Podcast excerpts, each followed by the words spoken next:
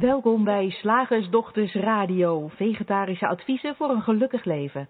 Linda Spaanbroek en Angela Mastwijk geven je een kijkje achter de toonbank van de menselijke ervaring. Hoe werkt het daar nu echt? Wij maken gehakt van ingewikkelde concepten en fileren met liefde ook jouw leven. Dat alles onder het motto geluk. Mag het een onsje meer zijn?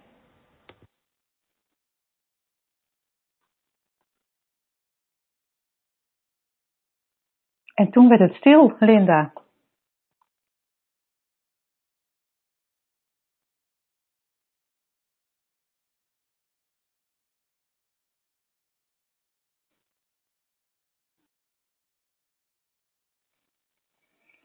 Ik weet niet hoe het met de luisteraars is, maar ehm, ik hoor behalve onze prachtige introductie uh, Linda niet.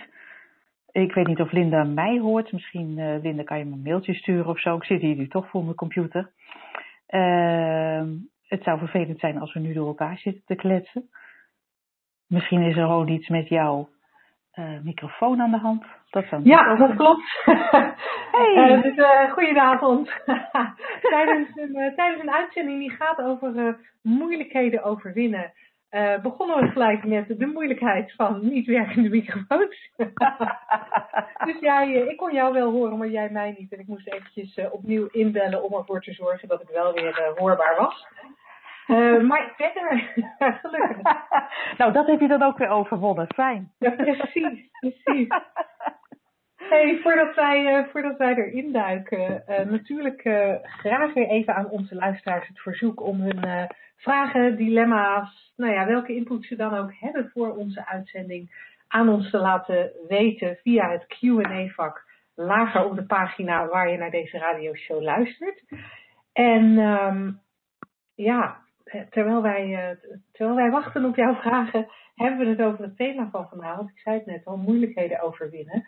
Uh, want wij zien nogal wat mensen die moeilijkheden te overwinnen hebben. Niet waar, Antje?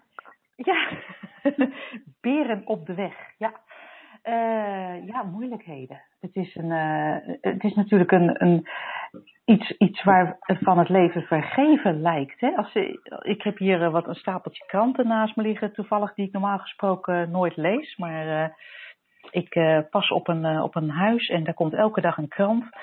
En dus ik scan dan wat koppen. En als ik die dan zo scan, dan denk ik, wij hebben veel problemen. Ja, enorm veel. Ja. Nationaal en internationaal. En dat lijkt een enorme berg ellende eigenlijk. En ja, uh, ja veel, en, veel dan, te doen. Ja, en dan, en dan, weet je, je zegt nationaal en internationaal. En ik denk ook persoonlijk en minder persoonlijk. He, ja. Want het feit dat, dat Engeland nu uit de EU gaat, is weliswaar een gigantisch, gigantisch probleem. Maar het is niet mijn persoonlijke probleem. Nee. Um, en ik zie ook veel mensen die, die veel persoonlijke problemen ervaren. Ja, en dat kan op allerlei vlakken zijn natuurlijk. Relatieproblemen, uh, financiële problemen, problemen op het werk, problemen met kinderen. Eigenlijk uh, kan je het zo gek niet verzinnen of we hebben er een probleem mee of misschien is het zo dat we er een probleem van maken. Maar daar gaan wij misschien uh, wat dieper op in, Linda. Ja, ja. ja, het lijkt allemaal erg um, stroperig. Ja, het lijkt allemaal erg stroperig en de, de, de, het eerste ding wat wij ook in ons, in ons puntenlijstje hadden, waarmee we deze radioshow hadden aangekondigd, was: wat doe je als de berg ellende te groot is? En, en dat, als, als ik daaraan denk, dat, dat, ik kan bijna niet uit mijn woorden komen, maar dat is volgens mij vaak waar het al misgaat: dat we een berg ellende zien. We zien geen losse feiten we zien een berg dingen die, uh, die opstapelen. En toevallig had ik uh, tijdens het eten daar met mijn uh, pleegdochter een gesprek over, die op dit moment in tentamen zit. En nou ja, daar heeft ze stress over. Dus we hadden het erover dat, dat, ja, dat het niet het tentamen is dat haar de stress geeft, maar dat het haar gedachten over het tentamen zijn. En wat ze toen deed, en dat was, dat was fascinerend, hè, dat zei ik ook tegen haar. Maar het was fascinerend om te zien, zeker in het kader van die, van die moeilijkheden waar we het nu vanavond over hebben. Is dat zij bewijzen ging zoeken voor het feit eh, dat ze inderdaad een probleem heeft. Dus ze heeft een probleem met die stress. Ze heeft een probleem met het tentamen, daarvan krijgt ze stress. Dat is nog weer een extra probleem. En vervolgens uh, gaat ze bewijzen zoeken waarom het inderdaad waar is dat het probleem, uh, dat, dat het tentamen en de stress haar, uh, eigenlijk voor haar een berg moeilijkheden zijn. En nou is dit natuurlijk een eenvoudig voorbeeld waarvan je kan zeggen, ja, maar god, dat is nou niet zo heel veel ellende. Er zijn mensen die echt heel veel ellende hebben, maar ik denk dat het belangrijk is om even naar de essentie te kijken van wat er gebeurt. En wat ik bij haar zag gebeuren, maar wat wij allemaal dreigen of neigen te doen, is dat ze, wat ik al net al zei, bewijzen ging zoeken voor het feit waarom het waar was dat dit allemaal ellendig was. En die kon ze ook vinden. En, ja, ja. Uh, en, en, ze, en, en ze kan dat dan ook goed verwoorden, waardoor het al snel heel geloofwaardig is. En daar zit volgens mij de crux. He, ze had nu de pech of het geluk dat ze tegen iemand zat te praten die niet inging op haar argumenten. Uh, die bij voorbaat al die argumenten niet serieus nam. maar vaak is het natuurlijk zo dat als iemand jou vertelt, ook jij dan Angela weer niet, maar in zijn algemeenheid, als, als, als, als je hoort van iemand die zegt, ja, maar ja, met tentamen en en, en dit komt erbij en dat komt erbij en dit denk ik erover en om deze reden is het belangrijk. En ja, om, om deze reden denk ik dat ik het echt veel moeilijker heb met dit tentamen dan met al mijn vorige tentamens. Dat klinkt zo plausibel dat we er normaal gesproken in geloven en dat we dan dus ook meegaan in het geloof in de berg. Ja, ja het is een soort zoek en vinden zoeken zij zult, zult vinden. En dan maken we van één feit, maken we, ja, maken we een berg ellende. Daar stapelen we van alles op. Jij noemde dat woord er net ook al. Daar stapelen we van alles op. Ja, en het ja, lijkt ook zo te zijn alsof, we, alsof ons menselijk verstand erop getraind is om als het even niets te doen is, heeft, om dan te zoeken naar, uh, naar problemen. Dat is, dat is wat ik overal om me heen waarneem. Uh, ik begeleid vaak mensen met een, een, kind met een eetstoornis. Dat is heel, spe heel specifiek. En dan zie je op een gegeven moment, nou dat, dat, dat gaat dan uh, weer beter. En dan gaan mensen over andere dingen praten. Ja, nou de, gelukkig is hem, in het begin is het zo, nou als dat kind dan maar weer eet. Weet je, ik zou er mijn rechterarm voor afhakken als dat kind maar weer eet. Want dan, poeh, nou, dat is toch zo'n ding, dan, dan ben ik gelukkig. Hè? Dan, dan kan, kunnen we weer normaal als gezin draaien en dan is alles weer, hè, ziet de toekomst er weer beter uit. Maar dan gaat het dus die kant op en dan zie je, en dat is inderdaad wat jij altijd zegt, fascinerend om te zien. Van nou, dat gaat dan beter, maar ja, dan zitten we nog wel met het feit dat hij, uh, het kind dan in dit geval bijvoorbeeld, uh, een half jaar school heeft gemist. En uh, ja, dat moet dan toch ingehaald worden, bijlessen, moeilijk, duur, ingewikkeld, kind geen zin. Dan wordt dat weer een probleem. En als daar, nou ja, als dan besloten is, nou goed, weet je wat, laat hem zitten, ik weet het niet. Uh, dan is het, nou ja, dan ook nog van, uh, ik zou best een andere baan willen. Of uh, de relatie met mijn man heeft zo geleden onder deze periode in ons gezin, dat wij elkaar een beetje kwijt zijn geraakt. En het is ongelooflijk hoe de menselijke geest in staat is om voortdurend te zoeken naar wat er mis is in het leven. Ja, ja. ja, en ik vind, het, ik vind het dan ook weer heel fascinerend daarbij dat de menselijke geest ook echt de dingen verzint die er niet zijn. He, zo, ja. zo, zo, iemand die dan zegt, ja, mijn relatie heeft eronder geleden. Nou, daar kunnen we nog een soort van, van aannemen dat, dat er misschien feiten aan te wijzen zijn waaruit blijkt dat die mensen wat minder contact met elkaar hebben en, en elkaar misschien minder lief vinden en dat ze daar graag iets aan zouden willen doen. Maar ik zie ook vaak, zowel bij mezelf als bij andere mensen, dat ook gewoon random dingen verzinnen die echt helemaal nergens op slaan. Um, uh, dat, ik bedoel, ik, ik weeg tegenwoordig 61 kilo. En dat ik dan nog voor de spiegel kan staan en denken: Nou, nou, ik heb toch wel een beetje een buikje. Terwijl ik 10, 10 kilo geleden, toen ik 10 kilo zwaarder was, dacht ik precies hetzelfde. Dus er is echt, er is gewoon, er is niks veranderd in, in mijn denken. Mijn lijf is anders, dus de feiten zijn anders. Ik ben namelijk 10 kilo lichter. Maar mijn denken is precies hetzelfde gebleven. Dus daar, dat vind ik zo'n mooi voorbeeld om, om, aan te geven dat mijn denken totaal los staat van de realiteit. Ja. Ja, we hebben zo'n bril op en daar zit dan een kras op van het een of het ander, of een heleboel krassen. Wat je, en die krassen zou je eigenlijk kunnen zien als, als de, de, de problemen die wij in ons hoofd verzinnen. Waarmee ik niet wil zeggen dat er niet daadwerkelijk dingen te doen zijn en dingen voorvallen waar je, die je moet handelen hoor. Dat, dat, dat mhm. blijft natuurlijk. Leven uh, is gewoon, uh, er gebeurt van alles. Maar, maar wat wij er in ons hoofd van maken, met die, met die, met die bril op waar wat flinke krassen op zitten als um, mijn lijf klopt niet helemaal of mijn kind moet perfect of, of uh, mijn relatie moet er op een bepaalde manier uitzien of ik ben niet goed genoeg. Ja, noem de krassen maar op. Ja, dat maakt eigenlijk dat we het ook uh, zien als een probleem. Hè? Want ja, ja een, natuurlijk vallen er dingen voor in, in een leven. Uh, waar je dan iets, iets, iets, ja, iets aan moet doen, iets mee moet doen. Ik weet niet zo goed hoe ik dat moet omschrijven, maar daar hebben we dat hoofd niet, eigenlijk niet zo heel erg voor nodig, uh, vind ik. Nee, en dat is, uh, en dat is wel een spannende die je daar aansnijdt. Want ik heb de indruk dat wij, dat ons heel erg geleerd is dat als er een probleem is, of iets wat wij als een probleem ervaren, dat we dan iets moeten doen. En, en, en, dat, en dat brengt me er eigenlijk gelijk op, hè, dat, dat, je er eigenlijk twee, dat, dat er eigenlijk twee sporen zijn waarover we dit gesprek kunnen voeren. Het ene spoor is, ja, we percipiëren een probleem, we zien een probleem, maar is het wel echt een probleem? Mhm. Stel nou even dat we een soort van zouden kunnen vaststellen ja, dit is een echt probleem. Laten we zeggen, het dak is van mijn huis afgewaaid. um, um, dan kijk je er weer anders tegenaan. Want als het, als het dak van mijn huis afgewaaid is, dan kan je je voorstellen dat het, dat het fijn is als ik in actie kom. Ja. Terwijl als we dat andere spoor hebben, waar ik alleen maar denk dat er een probleem is, maar het is er niet, dan, dan, dan zou je eigenlijk, dan zou dit gesprek op een andere manier gevoerd worden, toch?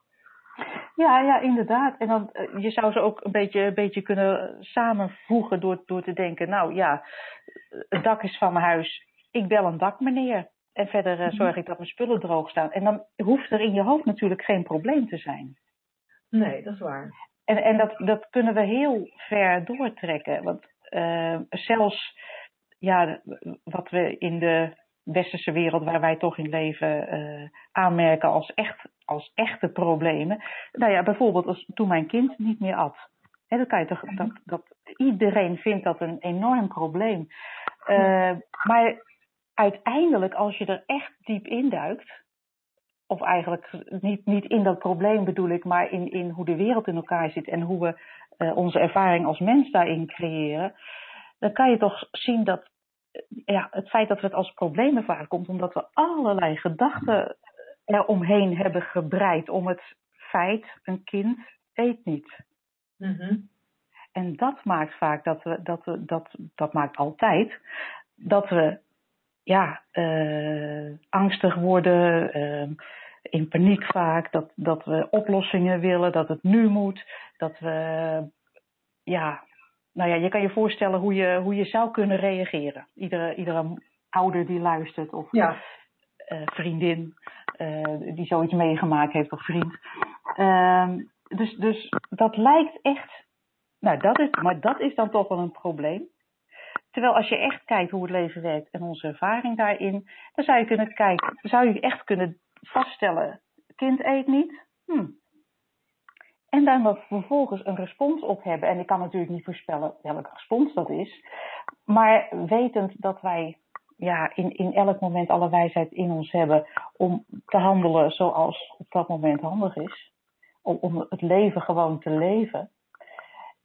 Kan je erop vertrouwen dat je ook in dat soort situaties gewoon uh, doet wat je doet. Ja. Zonder een probleem te ervaren. Ja. Ja, wat ik, dat ik, ja, ik weet dat ik midden in die situatie zat. Kind at niet en ik had destijds een, een relatie die uitging. En uh, nou, als je aan de buitenkant keek van mijn leven, was dat, was dat best niet leuk. En ik, ik liet mijn hondje uit en, en midden in dat alles had ik een enorm geluksgevoel. En dat kwam nergens vandaan. En dat ging nergens over. En dat was uh, zonder reden. Er was gewoon geen probleem, realiseerde ik me op dat moment. Ondanks zoals de dingen eruit zagen. Dat had geen, enkel, uh, geen enkele impact op dat moment. Ik wil niet zeggen dat er geen andere momenten waren waarin ik dacht, kut, ik heb een probleem. ja. Dat kwam ook voor, ja. Ja. Maar goed, hè, dan, dan, dan zeggen wij eigenlijk tegen onze luisteraars: je denkt wel dat je een probleem hebt, maar je hebt het niet. ja. Um, en wat, ik, wat, we, wat, wat we natuurlijk ook allebei weten, dat op het moment dat je, um, dat je heel veel gedachten hebt over een bepaalde situatie en een bepaalde situatie als heel erg moeilijk ervaart, je ervaart het echt als ellende. Ja, dan is dat ook zo voor jou.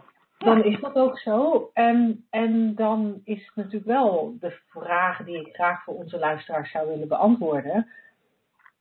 Wat, wat doe je nou? Hoe kan je, daar, hoe kan je daar een shift in maken om te komen van ja, het, het denken, het meegaan in ellende en problemen en, en zorgelozer in het leven staan? Ja, daar zit een heel groot verschil tussen. Ja, ja ik kan natuurlijk. Ja, alleen... het lijkt een heel groot verschil, maar ja. Dat en tegelijkertijd. Ja, het is. Ja, tegelijkertijd is het inderdaad, zoals wij zeggen, slechts één gedachte uh, uh, van je verwijderd. En ja, mijn ervaring is, dat is de enige waar, van waaruit ik kan spreken, is dat je, als je weet dat alles wat er uh, speelt een, een, perceptie is, en dat alles wat er gezegd wordt, want dat is ook vaak een groot ding, hè, wat mensen om je heen ervan zeggen, denken, wat er in de kranten staat geschreven, uiteindelijk slechts meningen zijn en niet de waarheid, dan, dan is voor mij was dat een mogelijkheid om, om een stapje terug te doen. Uh, uh, uh, figuurlijk en een soort in de stilte te zakken en daar vanuit te kijken. Oké. En dan sta je vanzelf op, is mijn ervaring. Of niet, als dat niet, de, niet, niet handig is in dat moment. Maar zonder al die ruis op de lijn, zonder een kras op je bril die, die eh, van toepassing is op die situatie, ja, is er gewoon helderheid. Oh, ik doe dat. Ja. En eigenlijk, eigenlijk is het dan al gebeurd voordat je uh, bedenkt dat je het gaat doen. Ja, ja en, en mijn, mijn ervaring uh, ik wil ook graag mijn ervaring stellen. Ja, en ja, het graag. Zou zijn, het zou kunnen zijn dat hij hetzelfde, um, hij komt ongetwijfeld op hetzelfde neer. En, um, maar misschien omdat ik het net even anders omschrijf, dat, dat het een aantal van onze luisteraars net weer even op, op andere inzichten brengt.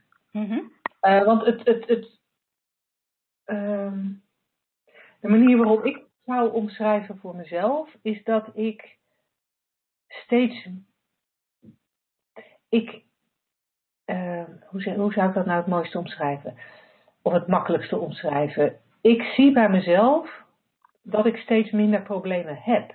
Het is niet zo dat ik heel bewust iets doe om minder problemen te hebben. Het is ook niet zo dat ik heel bewust problemen overwin. Of heel bewust problemen kleiner maak dan ik ze in het verleden ervaarde. Ze zijn er gewoon niet. Ik ik zie ze niet. Ze zijn, ze zijn er gewoon niet.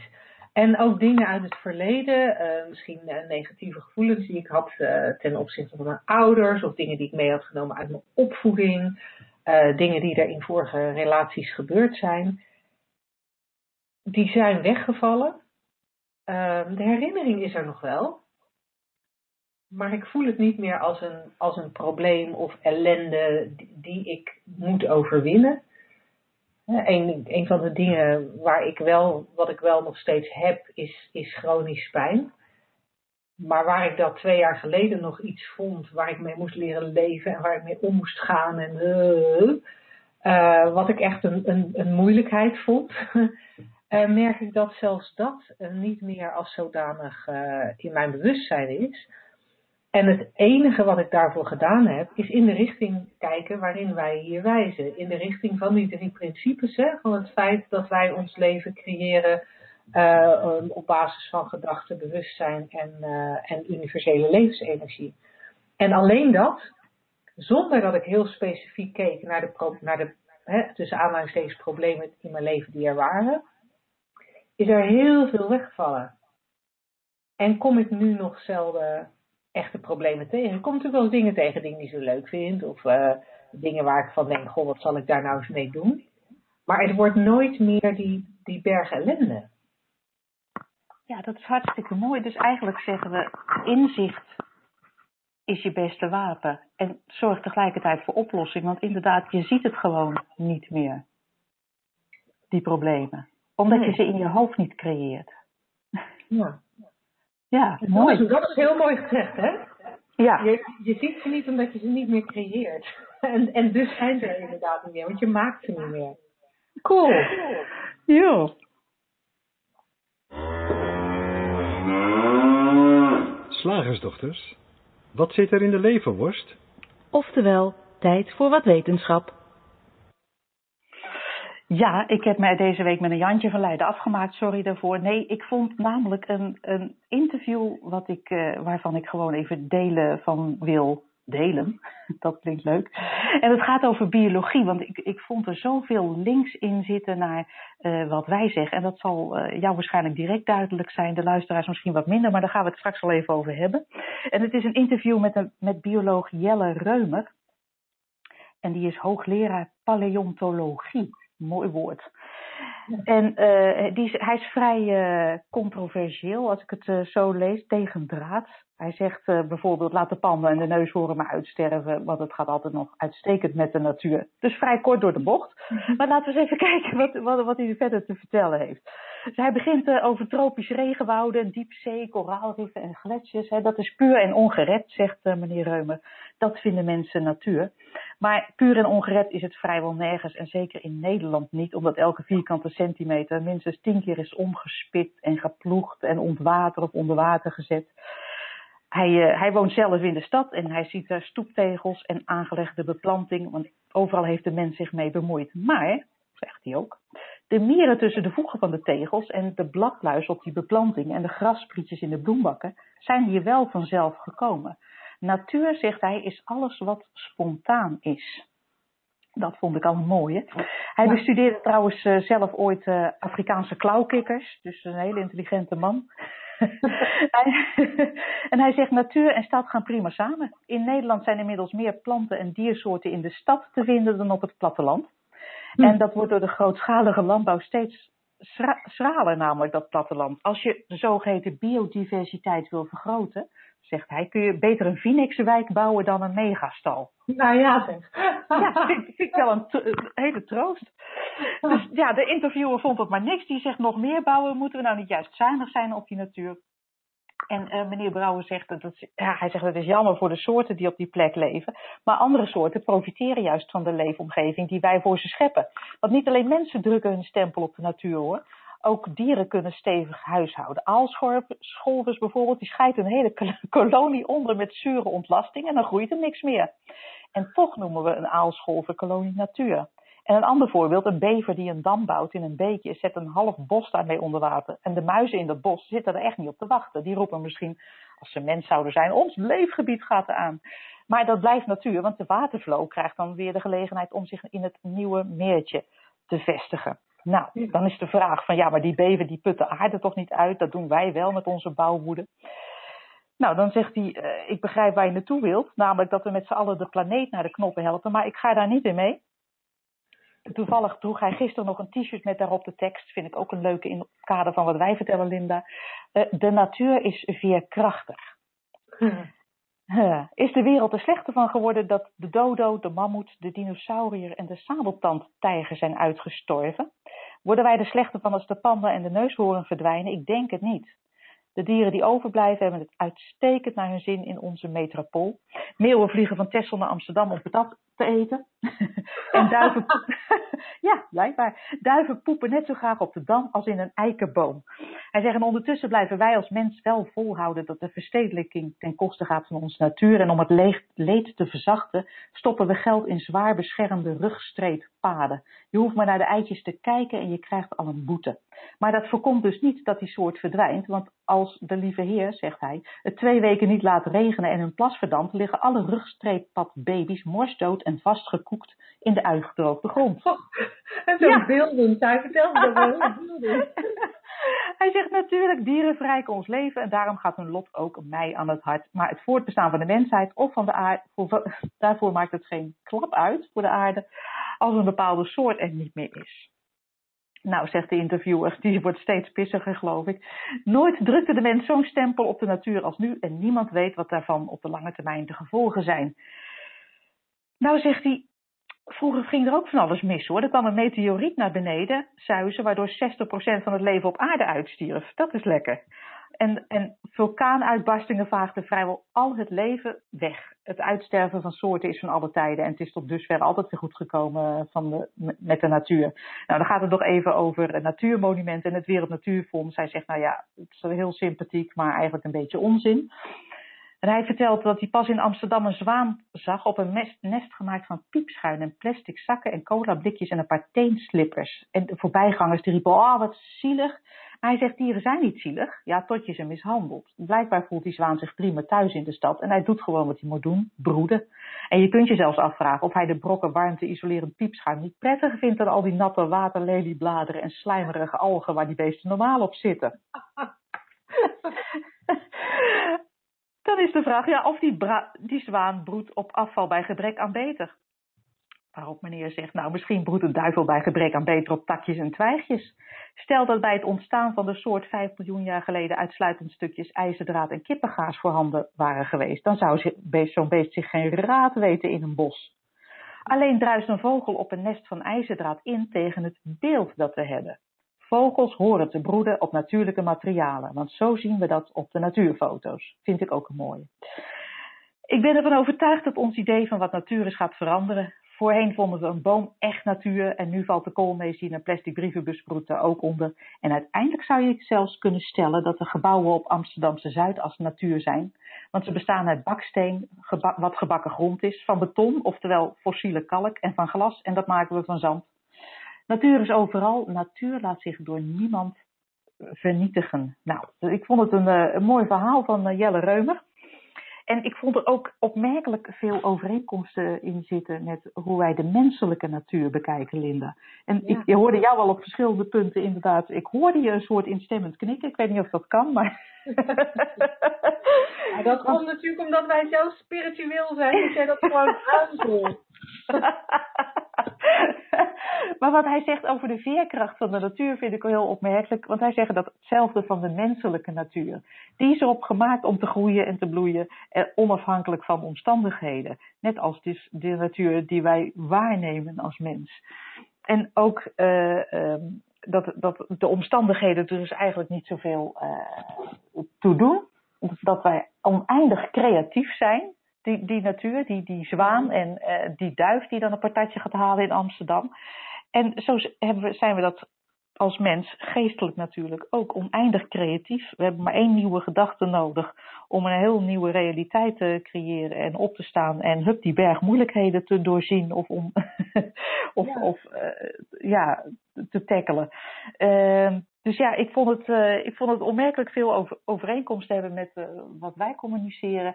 En ook vond ik het opmerkelijk dat dit eigenlijk het verhaal wat hij vertelt, uh, 100, een 180 graden draai is in, in het wereldbeeld. Hè? Want ja, algemeen wordt er wel aangenomen van, nou ja, je moet heel zuinig zijn op de natuur en dat moeten we koesten. En we moeten speciale plekjes en daar mag niemand aan aankomen. En we moeten heel voorzichtig mee zijn.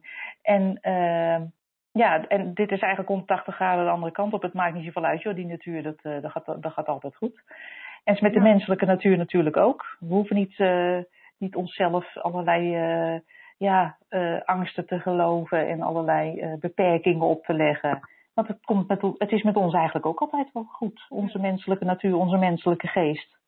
Ja, weet je wat ik er, wat ik er ook in hoor? Hè? Dat hij, Nou, vertel. hij, hij wijst er eigenlijk op dat wij vinden dat de dingen onveranderlijk moeten zijn.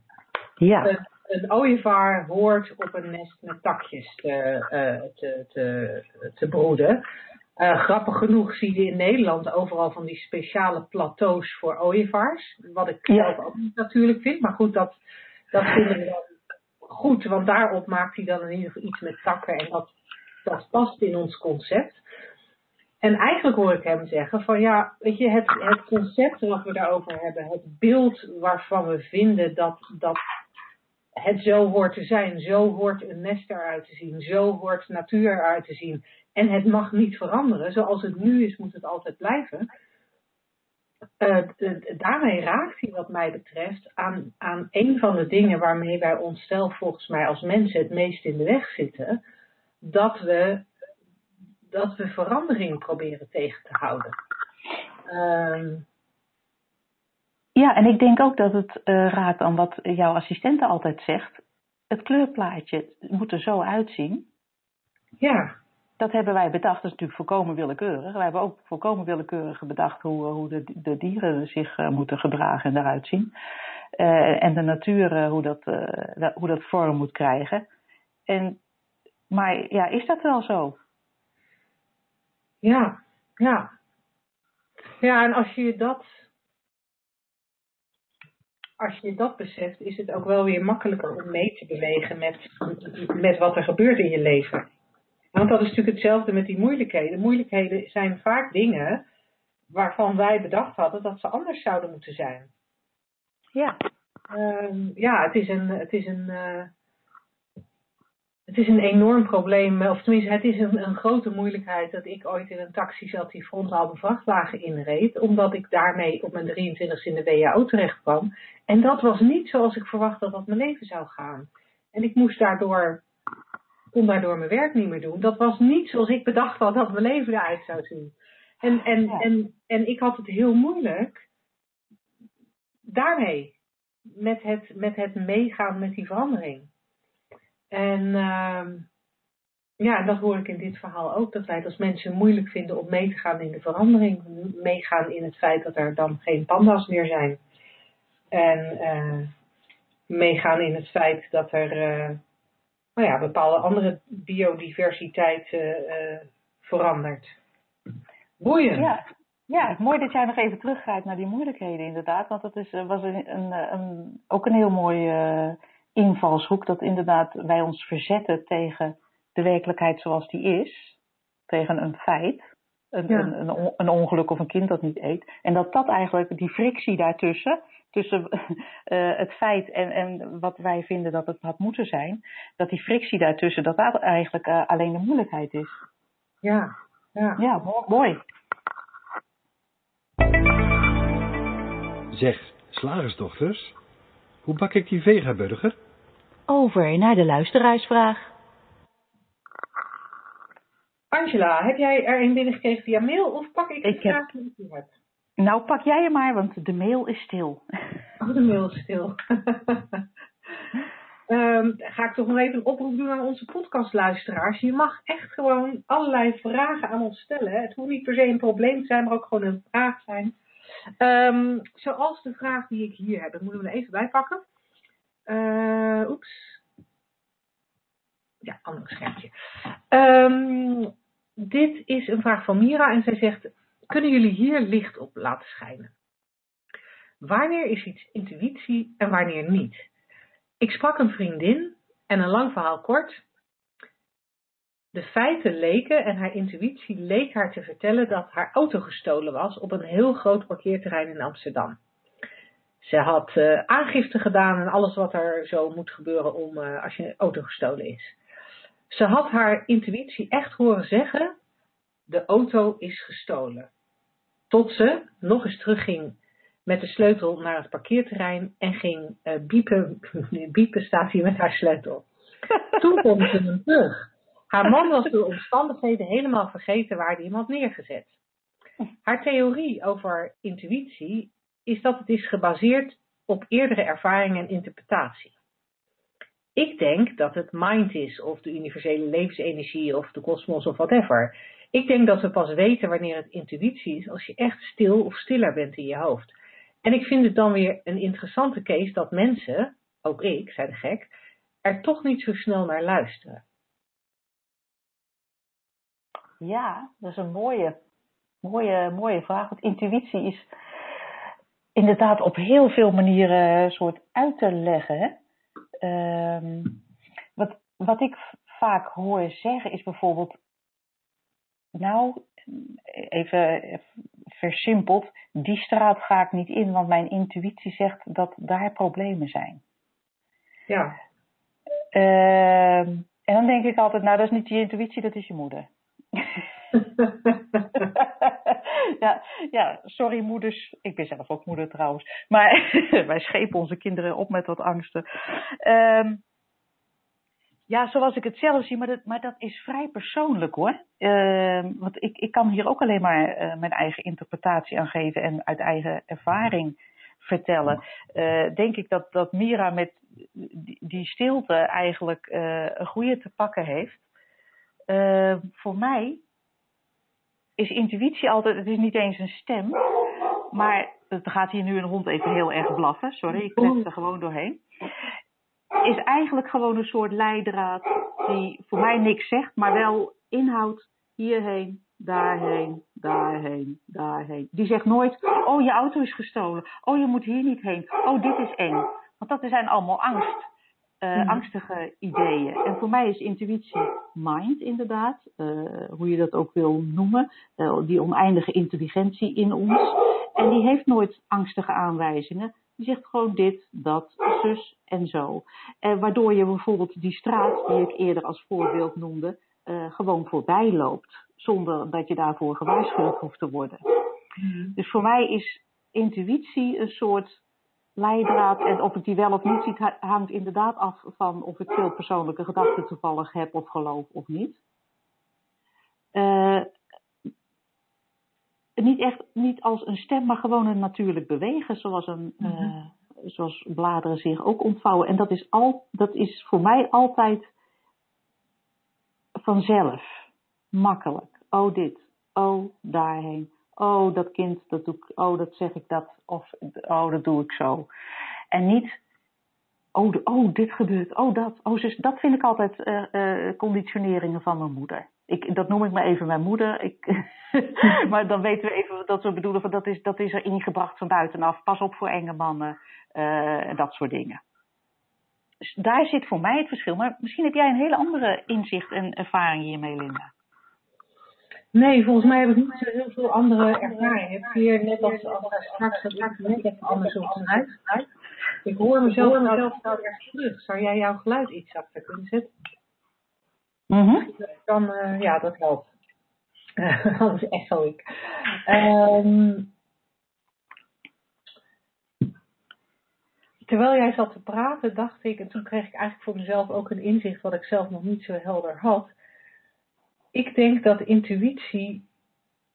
Uh, ik begin te vermoeden dat intuïtie helemaal niks zegt. Jij zei dat in andere woorden ook. Uh, ik heb ooit wel eens horen zeggen um, door een van onze Amerikaanse leraren: um, Thought screams and wisdom whispers. Ja. Uh, dus gedachten schreeuwen en wijsheid fluistert. En ik begin voor mezelf het vermoeden te krijgen dat wisdom helemaal niks zegt. Nee. En, en daar, daar, daar, kwam ik op doordat jij, door, door de manier waarop jij dat zei, van, hè, van dan, dan doe je gewoon dingen. En ik merk dat zodra ik iets ga denken, zodra, zodra ik me bewust ben van het feit dat er een beslissing te nemen is. en wat voor beslissing dat dan ook is. Hè? Want want als je op, over intuïtie praat op de manier waarop Mira uh, erover praat, hè, dan heeft het altijd te maken met ja, dat je. Ja, dat, dat, er iets gebeurt. Ik bedoel, je kan die auto niet vinden, oh, hij is gestolen. Um, maar dan komt, er, dan komt er echt heel duidelijke gedachte op. En, en,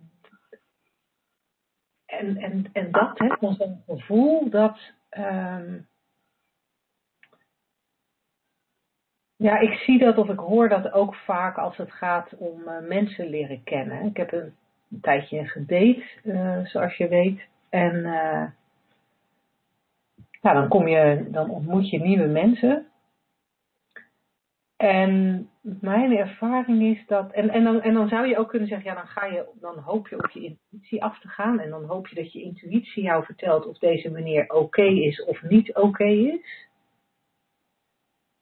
Maar ik heb zelf gemerkt dat ik zodra ik überhaupt daar in die, in, in die richting ga kijken, dan ga ik erover nadenken. En dan komen inderdaad eerdere ervaringen met andere meneren komen boven water. En, of komen boven tafel. En dan komt de stem van mijn moeder en de stem van mijn vader, die allerlei ideeën hebben over, over hun dochter en meneren.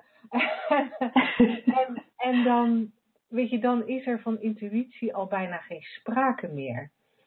Terwijl voor al die gedachten zit er vaak een soort weten, wat geen geluid maakt en wat eigenlijk geen woorden heeft. En dat is meer dat, wat jij ook zei, waardoor je een straat voorbij loopt, waardoor je gewoon een beweging maakt of een stap zet of iets doet, zonder dat je daar nou heel erg over nadenkt. En, en bijvoorbeeld als het gaat om het je intuïtie volgen met, met, met, met meneren, uh, waar je mee weet, dan, dan is dat, dan, dan heb ik het gevoel dat ik het weet en dat ik er vervolgens over na ga denken. Mm. En als ik erover na ga denken, dan kom ik in de problemen. Ja. Want dan ga ik redeneren, waar we het eerder deze uitzending ook al over hadden. Dan ga ik redeneren, dan ga ik argumenten bedenken. En dan, en dan volg ik het weten niet meer. En dan maak ik dus niet meer, die, niet meer die automatische beweging. Dan ga ik als het ware, als je dat voorbeeld neemt van die straat wat jij daar net noemde, dan loop ik de straat niet voorbij, ik loop de straat niet in. Nee, ik ga op, op de hoek staan nadenken en staan afwegen.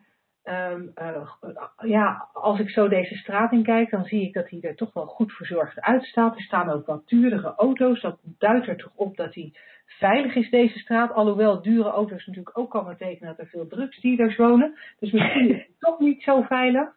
Zo staat dan op de hoek van de straat. Ja. En dan, dan is, er, is het al geen intuïtie meer. Dan is dat. De... Ja, dus een, heel verhaal om aan te geven dat ik denk dat intuïtie geen geluid maakt. Ja. En dan, dan is het wat ik dan zelf wel heel interessant vind en waar ik ook nog niet. Um, waar ik zelf nog niet uh, uit ben of uh, heel veel. Uh, nou ja, heel veel duidelijke ideeën over heb, is. Maar waar acteer je dan op?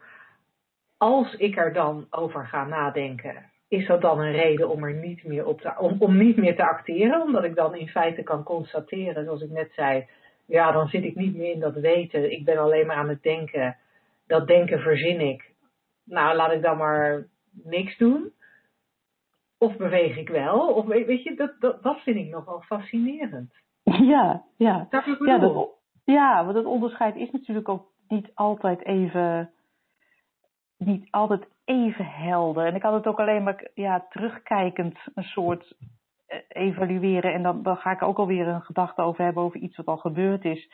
Maar uh, ja, dan kan ik zien dat, je, dat ik heel veel dingen gewoon een soort ja, spontaan heb gedaan. En niet dat. Uh, uh, dat ik heel impulsief ben of zo. Van, oh, vandaag doe ik dit en morgen doe ik dat en dan doe ik dat.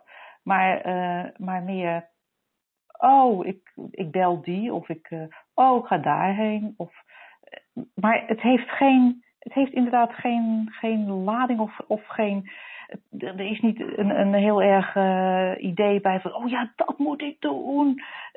geen, het is gewoon uit rust zou ik het willen zeggen. Zoals jij al zegt, het, het heeft geen stem. Uit, uit rust uh, bewegen. En het kan wel gebeuren dat mijn hoofd er nog een heel verhaal over heeft. En dan, dat, is, dat is wel zaak. Dat is net als toen ik dus besloot om weg te gaan, dus mijn huis te verkopen, alles en in een camper te gaan wonen, rond te gaan reizen. Het klinkt natuurlijk als een hele grote beslissing en ding. En eigenlijk wist ik, oh ja, dat ga ik doen. Wil niet zeggen dat mijn hoofd daarna niet van alles ging verzinnen, uh, allerlei doemscenario's en allerlei uh, toestanden en, en, en problemen zien en hoe doe ik dat en, en hoe los je dat op. Uh, dat, dat was er nog steeds, maar ik weet dat die dat oorspronkelijke idee, oh dat heb ik daardoor toch niet laten varen. En wa waarom dan niet? Ja, dat kan ik ook eigenlijk niet zo uitleggen. Dat is ook. Ik nou, weet het ook niet. Nee, maar wat ik me wel voor kan stellen, want ik zit met een heel ander voorbeeld in gedachten. En, maar maar het, het, het, doet me er wel aan denken. Ik had het voorbeeld al in gedachten voordat jij met dit voorbeeld kwam. Ja. Wat, ik, wat ik vermoed is dat je dan, als ik naar mijn eigen voorbeeld kijk, dat je toch Um, ook al heb je al die gedachten, al die twijfels, hè, die komen na, na dat aanvankelijke weten, dat, dat je ergens nog um, je het weten herinnerde of zo. Dat je dat ja, ja, zoiets. En dat je toch ergens ook wist dat al die gedachten erover minder, um, ja, minder waar waren dan het oorspronkelijke weten. Dat die gedachten er wel waren, maar dat je het niet serieus hoefde te nemen het, het voorbeeld wat ik namelijk in gedachten had, was heel anders. En het is, is van veel, veel jaren geleden en, en, lang voordat ik überhaupt iets over de drie principles wist. Uh, toen mijn uh, oudste geboren werd, en dat is uh, aanstaande volgende woensdag, is dat 21 jaar geleden. Wow. um, ik um, er was voor mij geen enkele vraag over of ik borstvoeding of flesvoeding zou geven. Dat was gewoon geen vraag. Ik wist gewoon dat ik borstvoeding ging geven. Nou, vervolgens bleek zij uh, dysmatuur te zijn, wat betekent dat ze wel op, wel op tijd geboren is, maar niet goed gegroeid was, dus premature kenmerken had. Uh, waardoor haar temperatuur ook te laag was en haar suikergehalte te laag was. En zij moest direct voeding krijgen. En borstvoeding komt altijd pas na, na 1, 2 dagen op gang. Uh, dus ze moest kunstvoeding krijgen. Nou, dat was op zich niet zo'n ramp. Uh, waren het niet dat ze haar dat met een uh, flesje hebben gegeven. En dan, dan wordt het voor zo'n kindje heel moeilijk om, als ze die flestechniek qua drinken hebben, om daarna nog aan de borst te zuigen. Zeker als het al een wat kleiner kindje is en, en, en weet je, te licht en, en al dat soort dingen.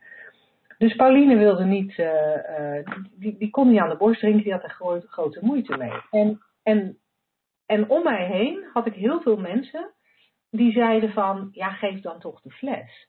En ik had zoiets van, nee, nee, nee.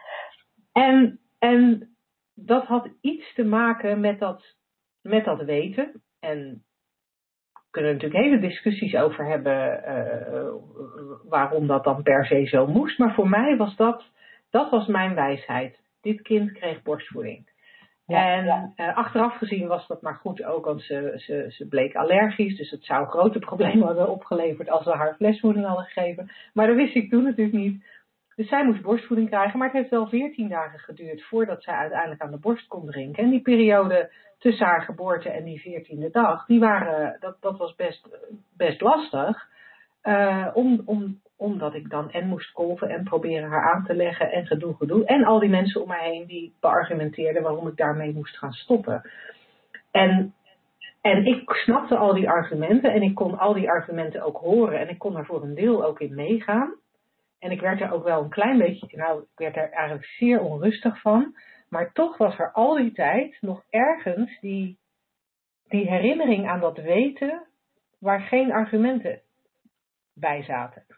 En ik kon argumenten bedenken om mijn beslissing om borstvoeding te geven uh, te beargumenteren.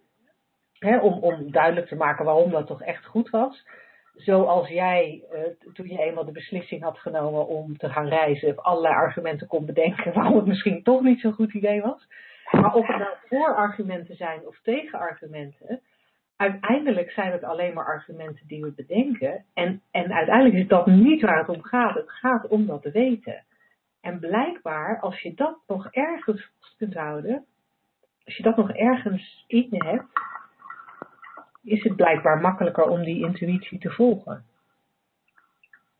Ja, vind ik ja, een heel, heel, heel voorbeeld. Oh, nou hoor ik mezelf helemaal uh, echo. Ik vind het een heel mooi voorbeeld, want vaak hebben we als, uh, uh, als moeder wel de ervaring dat je, dat je dat hebt met een kind.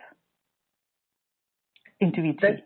ja, dat je omdat dat een zo natuurlijk gebeuren eigenlijk is. Ik vind het een heel mooi voorbeeld dat jij, dat jij het wist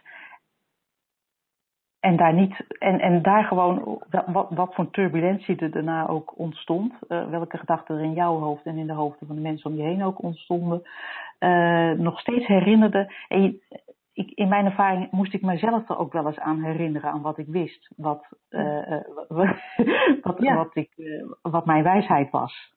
Ja, daar, daar moest ik mezelf ook wel eens aan herinneren, omdat de rest van de wereld het vaak niet ziet in dit soort zogenaamd tegendraadse beslissingen of, of, of, controversiële beslissingen. Mooi. Ja, ja en ik, ik denk ook dat als je het hebt over moeilijkheden overwinnen, dat daar ook dat die moeilijkheden misschien wel heel erg ontstaan doordat we afgaan van dat weten, doordat we meegaan in de argumenten. Ja.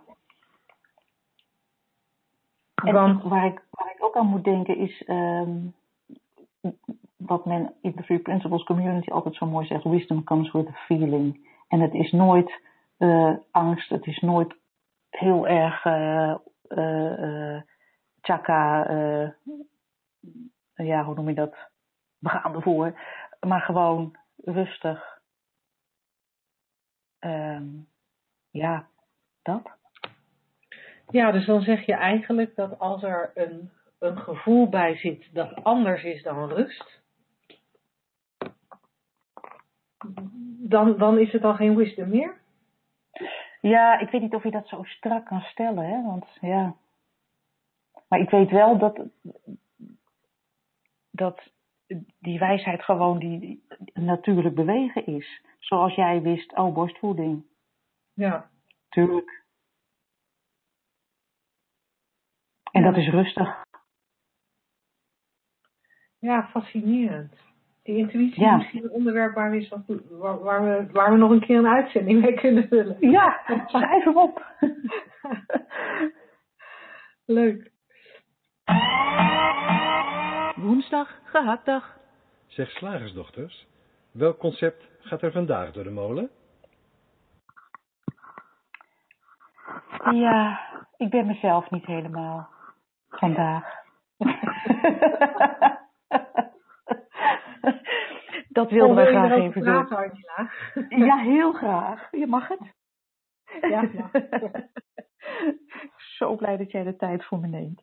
Nee, ja, ik ben mezelf niet helemaal. Dat hoor je wel zeggen. Mensen zijn, uh, die vallen dan uit of ze zijn geïrriteerd of uh, uh, anderszins niet blij. En dan um, is er, oh, het besef is misschien niet helemaal handig of rechtvaardig of weet ik veel. Ja, sorry, maar ik ben mezelf niet helemaal. En daar hadden wij toch, uh, die wilden wij toch wel graag in mootjes hakken. Want wat bedoelen we daar nou mee? Ja. Ja, ja wie is nou die zelf? Ja. Volgens mij bedoelen we daarmee dat we op dat moment niet voldoen aan het plaatje dat wij van onszelf hebben hoe wij horen te zijn. Oh ja. Want ik persoonlijk, ik hoor altijd vrolijk te zijn, Mhm. vriendelijk, Mhm. gelukkig, Mhm. optimistisch, Minimaal.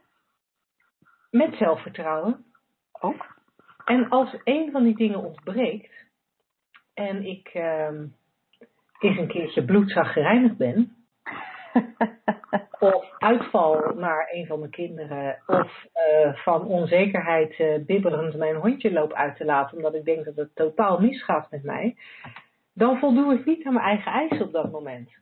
Want mijn kleurplaat, om het er nog maar eens bij te halen, mijn kleurplaat was uh, vrolijk, optimistisch, gelukkig, vol zelfvertrouwen.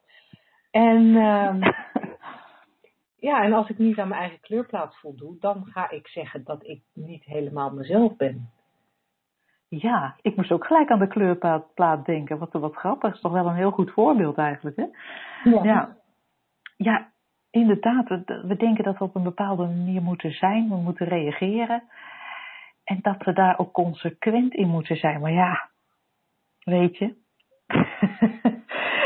Als je weet dat, dat je in elk moment gewoon je ervaring creëert met het denken wat je hebt. Je hebt ook wel eens gewoon, laten we zeggen, heel angstig denken. Ja, en dan, en dan reageer je uh, angstig met bonzend hart.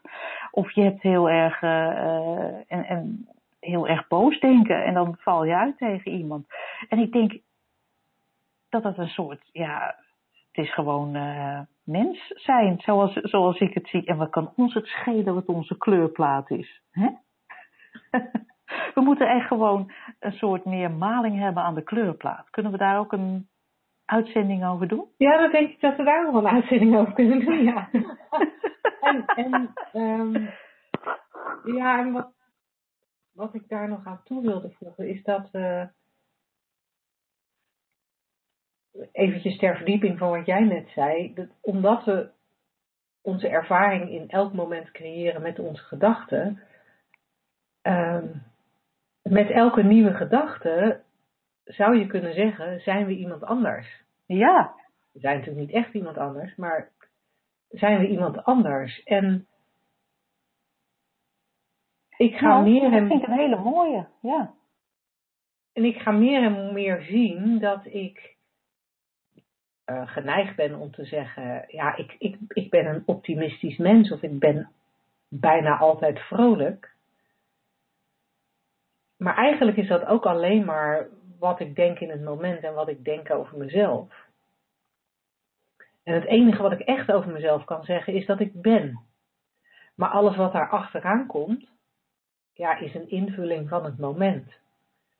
En is een invulling die het volgende moment weer helemaal niet waar kan zijn. Ja, en dat geeft ook een enorme vrijheid. Dat, je... dat wil ik net zeggen, ja. Ja, nou, hè. zijn we het weer helemaal eens. Het geeft een enorme vrijheid om te weten dat je niet uh, je, je hoeft te houden aan je, aan, je, aan je rol die je jezelf of die anderen jou hebben toebedeeld. Dat je gewoon eigenlijk als mens ben je alleen maar een ervaring in het moment. En die kan elk moment anders zijn. Alleen we hebben de neiging om onszelf en elkaar, dat is ook een hele grote, uh, uh, te zien als uh, gebaseerd op ervaringen uit het verleden. Ja, en daar raak je ook aan iets wat, ik, wat ook natuurlijk boeiend is. Hè? Want het concept is, ik ben vandaag mezelf niet. Nou, dat hebben we aardig vermalen. Maar hoe vaak, hoe vaak kijken we niet naar een ander en denken we van die ander? Oh, die is vandaag zichzelf niet. Omdat iemand anders reageert dan je van hem gewend bent of van haar verwacht. Ja. Omdat je blijkbaar een beeld hebt van die ander en daar moet hij wel aan blijven voldoen. Liefst wel, ja. Want jij was, jij was dat onzekere meisje. Dan moet je nou niet ineens vol zelfvertrouwen gaan lopen doen, want dan weet ik niet meer hoe ik met jou om moet gaan. Ja, dat is, dat is mooi. Hè? En vooral binnen families is dat een, uh, is dat een hele interessante. Uh, mensen waar je mee bent opgegroeid, uh, om, om, om dat ook fris te blijven zien. Dat die, ook die in elk moment, net als jij, totaal een andere ervaring kan hebben of zijn. Net hoe je het wil, hoe je het wil beschrijven. Ja. En, en dat je dat, dat je dat openhoudt. We zijn zo geneigd, geneigd, dan kom ik weer terug bij de bril met de kras, om, om zo'n bril op te zetten van, oh ja, uh, uh, mijn uh, oudste zus is, is altijd, altijd lief voor iedereen, en mijn andere zus doet altijd zo, en mijn broer is een beetje de zus. Mijn broer is een beetje zus, dat klinkt vreemd. maar dat snap wat je bedoelt. en, en, en, en ouders en, en kinderen, hè, dat, dat, de mensen die heel dichtbij je staan, partners ook, zijn heel erg geneigd om die uh, te zien zoals ze gisteren waren en eergisteren, of misschien wel zoals ze een jaar geleden waren. Of, uh, en, en, uh, want ze moeten wel zichzelf blijven natuurlijk, dat is wel zo veilig ook, in plaats van ja. dat er elke keer iemand anders op komt dagen dat is, in dat kader is het heel grappig. Mijn, uh, mijn geliefde en ik stellen ons regelmatig aan elkaar voor. En dan doen we net alsof we elkaar helemaal niet kennen, alleen maar om, om het. Uh, ja, het is, het is grappig, maar het is, het is ook een soort herinneren aan van je kent elkaar eigenlijk helemaal niet.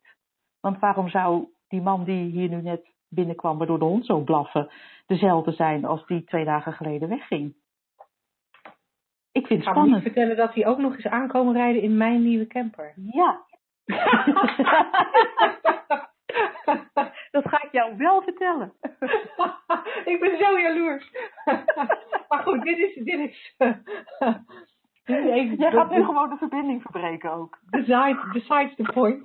Ik, ehm, ik denk dat we ook over jezelf zijn eh, eh, nog wel eens een leuke uitzending eh, kunnen, kunnen, een leuke uitzending aan kunnen wijden. Ook met name waar, waar je net aan refereert, het, het de ander maar blijven zien zoals die is. En, eh, en eigenlijk de, de problemen die dat eh, oplevert. Zullen dat doen? En het voor wat Ja. het concept betreft even houden voor wat het nu is. Ja, heel goed. Oké.